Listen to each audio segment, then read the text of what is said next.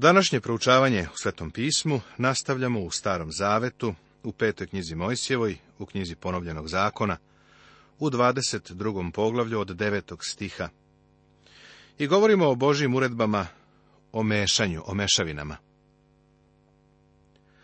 Ne u vinogradu svojem drugoga semena, da ne bi oskvrnio i rod od semena koje poseješ i rod vinogradski.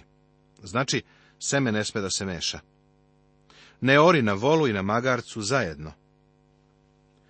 Ovo što gospod ovde govori meni zvuči nekako šaljivo. Ipak jednom sam ovo video u Izraelu. Imam čak i fotografiju na kojoj se vidi da jedan Arapin ore i na volu i na magarcu, zajedno Jarmljenim. Znači oni to rade i danas. Bog kaže da Izrael ne treba da ore tako. Neko će pitati, šta je pogrešno u tome? pa vo je voa, magarac je magarac i ne treba da idu zajedno. Ne hodaju ravnomerno. Način njihovog kretanja je različit, pa ne vuku ravnomerno. Da li si primetio da gospod ne voli mešavine? Isto važi i za brak. Bogu se ne sviđa mešavina spasenih i nespasenih u braku. Nažalost, video sam neke brakove koji su me podsjetili na vola i magarca, koji su u istom jarmu. Hrišćanke se udaju za nespasene momke ili obrnuto. Ne oblači haljine tkane od vune i od lana zajedno. Znaš li šta se dešava sa ovakvom mešavinom? Kada je opereš, vuna će se skupiti, a lan neće. Tada ćeš imati pravi problem. Načini sebi rese na četiri kraja od haljine koju oblačiš. Rese su obično bile plave. Znamo da su bile plave na odeći prvosveštenika. Rese su bile podsjetnik njihovog odnosa sa Bogom. Kasnije su te rese postale obeležje judaizma. Bog upozorava protiv mešavina. Božije dete ne treba da se meša sa ovim svetom. Čujem kako hrišćani kažu da idu sa ovim svetom da bi dosegnuli ljude u svetu. Imam vest za tebe na taj način ih nećeš dosegnuti.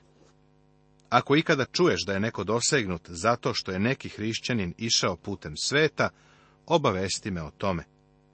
Semena ne treba da se mešaju. Vo i magarac ne treba da rade zajedno. Vuna i lan ne treba da se mešaju. Hrišćanin ne treba da se meša sa svetom, prijatelju. Brak Ko se oženi, pa mu žena omrzne pošto legne s njom, pa da priliku da se govori o njoj i prospe rđav glas o njoj govoreći, oženih se ovom, ali legavši s njom ne nađo hunje devojaštva, tada otac devojčini mati neka uzmu i donesu znake devojaštva njezina pred starešine grada svojega na vrata. Ovo je bio zakon koji je štitio nedužnu ženu. Ovaj zakon je trebalo da ženu zaštiti od lažne optužbe. Ovo je ženi davalo zaštitu od bezbožnog muža, punog mržnje. Ovo danas naravno kod nas ne postoji, ali je Bog dao pravila koja su pod ovakvim uslovima štitila ženu. Ali ako bude istina da se nije našlo devojaštvo u devojke, tada neki izvedu devojku na vrata oca njezina i neka je zaspu kamenjem ljudi onoga mesta da pogine zato što čini sramotu u Izraelu, kurvavši se u domu oca svojega. Tako izvadi zlo iz sebe. Pretpostavimo da je žena bila kriva, tada je trebalo da bude kamenovana. Danas ljudi pričaju o novom moralu i smatraju da je seks izvan braka veliki iskorak napred. Bog je svom narodu Izraelu dao moralne standarde. Bogom data moralnost je uvek za svaki narod predstavljala blagoslov. Svaki narod koji je ovo kršio, doživeo je pad. Kada mislimo o ovome i kada mislimo o stanju u kome se nalazi moja zemlja, plačem. Pod zakonom koji je Bog dao Izraelu, osoba koja je bila kriva za preljubu bila je kamenovana na smrt, bez obzira da li je u pitanju bio muškarac ili žena. Da smo to radili ovdje u Americi, bilo bi toliko gomila kamenja da bi kroz taj deo zemlje bilo nemoguće voziti kola. Bog poštuje brak i seksualnu čistotu. U Izraelu preljuba se kažnjavala kamenovanjem. To nam govori o tome šta Bog misli o preljubi prijatelju. Seti se da je u ovom zakonu ispoljena Božja ljubav prema njegovom narodu. Ovaj zakon o zaštiti bračne svetosti je vrlo dobar primjer Božije ljubavi i brige za ljudsku porodicu. Poglavlje 23. Tema Svet, telo i đavo. U 23. poglavlju nastavlja se ovaj vrlo zanimljiv deo o uredbama, koji se odnosi na domaće i lične odnose. Svet, telo i đavo su tri neprijatelja, od kojih se vernik brani svakodnevno, svakog časa, iz trenutka u trenutak. Živimo u vremenu u kome se koristi vrlo jednostavan jezik, u stvari vulgaran jezik. Bog u svojoj reči koristi jednostavan jezik, koji nikako nije vulgaran. Deo u kome se Biblija bavi ličnim pitanjima, uopšteno se izbegava. Međutim, smatram da to ne treba izbjegavati, jer se tu nalaze veoma praktične duhovne pouke za nas. U sabor gospodnji da ne ulazi ni utučen, ni uškopljen. Ovo je krajnje neobičan zakon, zar ne? Čemu Bog ovdje želi da nas nauči? Verujem da ovo odgovara asketizmu, a Bog to osuđuje. U srednjem veku ljudi su vidjeli korupciju u Europi Aziji i Severnoj Africi, pa su se od stvari ovoga sveta okrenuli ka asketizmu. Povukli su se u manastire da bi pobjegli od sveta. Iskren da budem, čovek ne bi mogao ni da ih krivi što su to činili u to vreme. Ali ovo ponašanje je ekstremno i Bog protiv toga upozorava. U protestantizmu čovjek i danas može naći istu vrstu legalizma. Ima onih koji smatraju da žive odvojenim životom. Ipak, nikada nisam video da je iko od tih ljudi bio srećan hrišćanin. U stvari, uvideo sam da su neki od njih čak opasni ljudi. Oni se predstavljaju kao vrlo pobožni i izgledaju šokirano kada se pred njima spomene bilo šta svetovno. Shvatio sam da ti isti ljudi nekada jesu oni koji vode najgore tračeve, a u poslovnim odnosima nisu uvek pošteni. U sobstvenom životu sam imao vrlo gorko iskustvo sa grupicom odvojenih hrišćana, koji su bili potpuno, apsolutno nepošteni. Verujem da Bog upozorava protiv asketizma. On ovakve stvari ne prihvata. U sabor gospodnji da ne ulazi kopile, ni deseto koleno njegovo da ne ulazi u sabor gospodnji. Ovde se gospod služi vrlo strogim i ozbiljnim jezikom. Nezakonito dete nije smelo da uđe u gospodnji zbor. Šta to znači za nas danas? Da bi bio Božje dete, moraš biti nanovo rođen. Danas mnogo ljudi kaže, ja sam dete cara. Ali oni nisu deca toga cara. Nezakoniti su. Čovek može biti religiozan, a da ne bude nanovo rođen takav čovjek uopšte nije Božije dete. Bog to vrlo jasno govori. Nikodim je bio farisej, vrlo religiozan čovjek, duhovni vođa naroda, čovjek koji je nosio molitveno remenje. Ipak, ovaj čovjek je bio nezakonit, pa mu gospod kaže da se mora nanovo roditi. Gospod ga je skoro grubo prekinuo da bi mu to objasnio. Širom zemlje sam držao mnoge sastanke, pa sam bio u prilici da se susretnem sa mnogim pastirima. Jedan baptistički pastir mi je rekao, danas ima mnogo krštenih neznabožaca. Oni su svi užasni grešnici, a pošto su kršteni, misle da su Božja deca. Bog kaže da nezakoniti si neće ući u nebo. Ne sme da uđe u sabor. Bog nema nezakonitu decu. Sva njegova deca su zakonita, jer su na novorođena. Evo jednog dobrog pitanja, koje treba danas sebi da postaviš. Da li si na Da li poznaješ Hrista kao svoga spasitelja? A svima koji ga primiše dade moć da postanu deca Božija, onima što veruju u njegovo ime, koji se ne rodiše od krvi, ni od volje tela, ni od muževljeve volje, nego od Boga. Evanđelje po Jovanu, prvo poglavlje, 12. i 13. stih. Da li ispunjavaš uslove zakonitog Božjeg deteta? Nije me briga kroz koliko si obreda prošao ili kojim crkvama si se pridružio, niti koliko si religiozan. Ako nisi dete cara, nezakonito si dete. Ni Amonac, ni Moavac, da ne ulazi u sabor gospodnji, ni deseto koleno njihovo, da ne ulazi u sabor gospodnji do veka. Zato što ne iziđoše pred vas s hlebom i vodom na putu, kad ste išli iz Misira, i što najmiše za novce na vas valama sina Veorova iz Svetore u Mesopotamiji, da te prokune.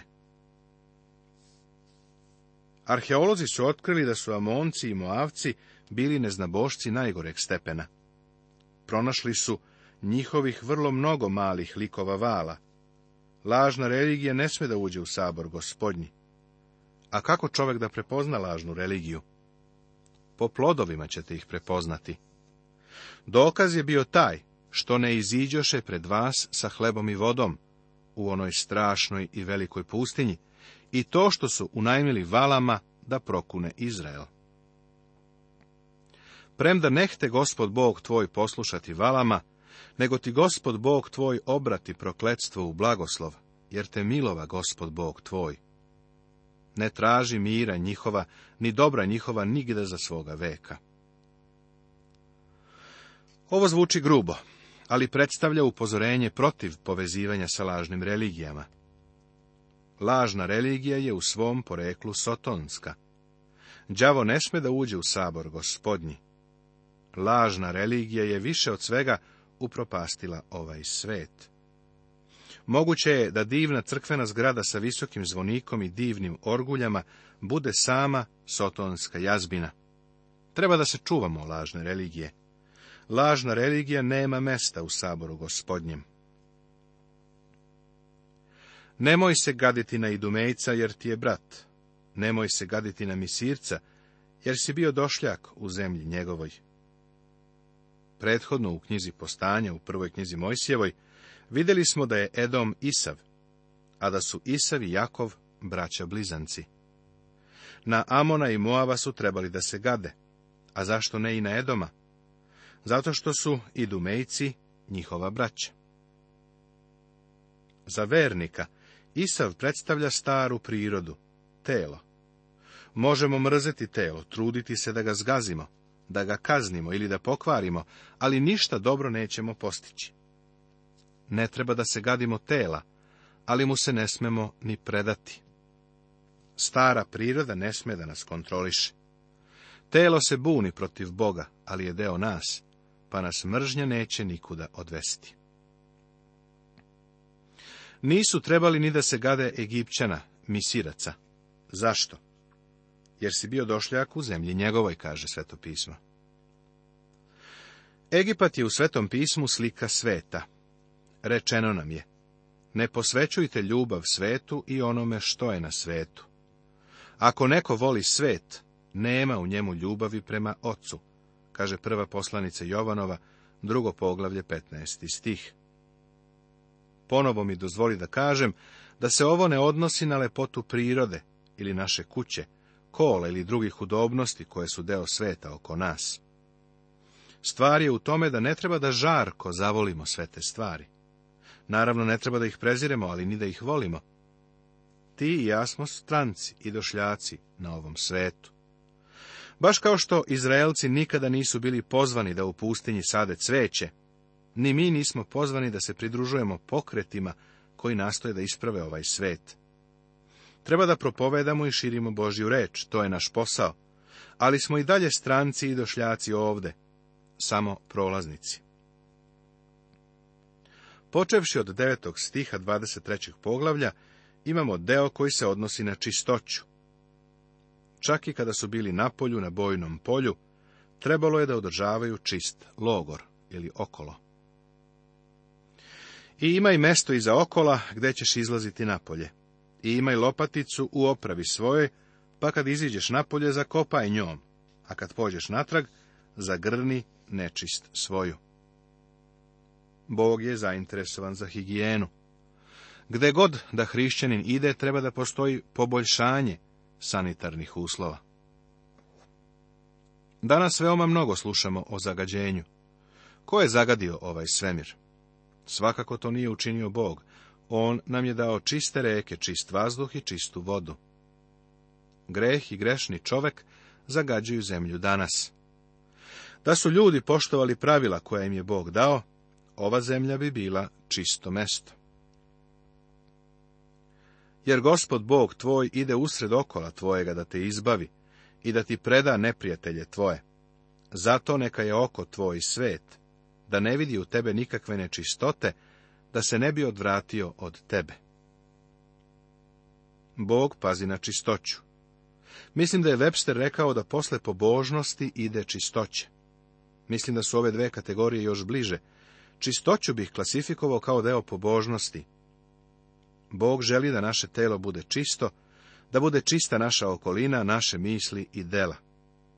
U današnjem svetu treba da živimo kao sveti narod. Ova knjiga je vrlo praktična, zar ne? da ne bude kurve između kćeri Izraeljevih, ni ađuvana između sinova Izraeljevih. Ne nosi u dom gospoda Boga svojega ni po kakvom zavetu plate kurvine ni cene od psa, jer je oboje gad pred gospodom Bogom tvojim.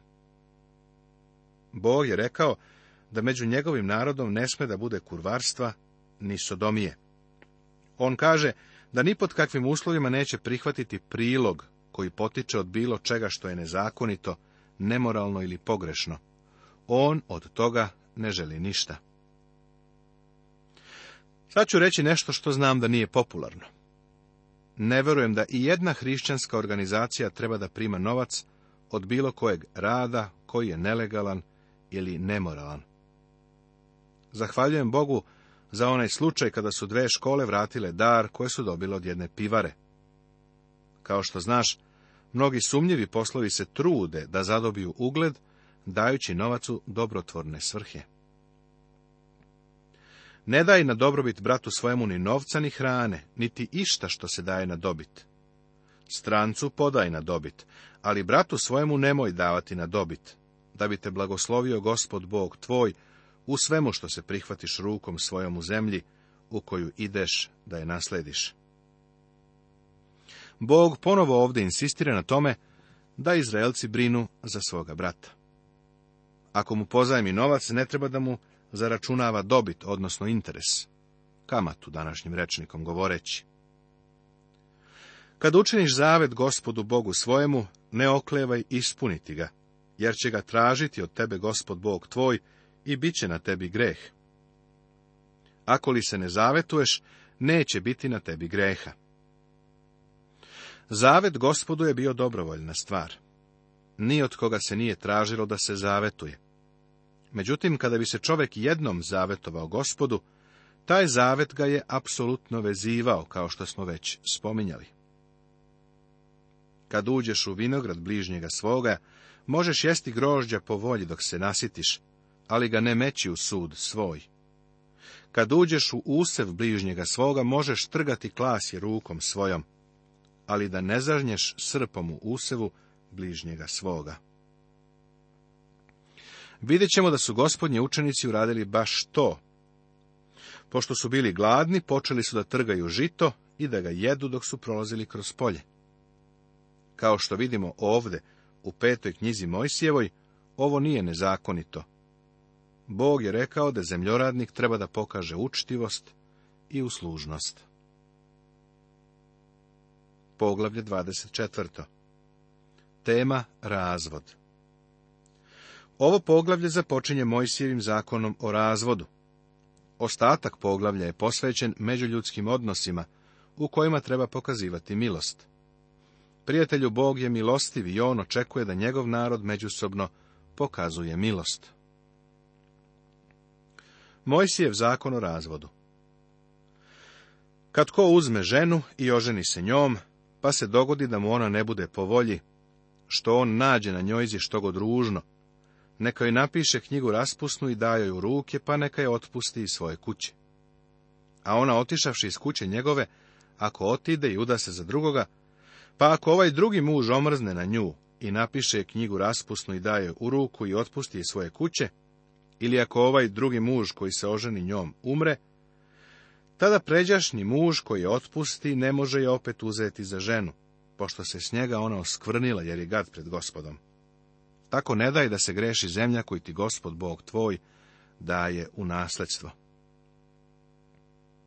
Možda se sada pitaš zašto je ponovno stupanje u brak stavljeno na ovu osnovu.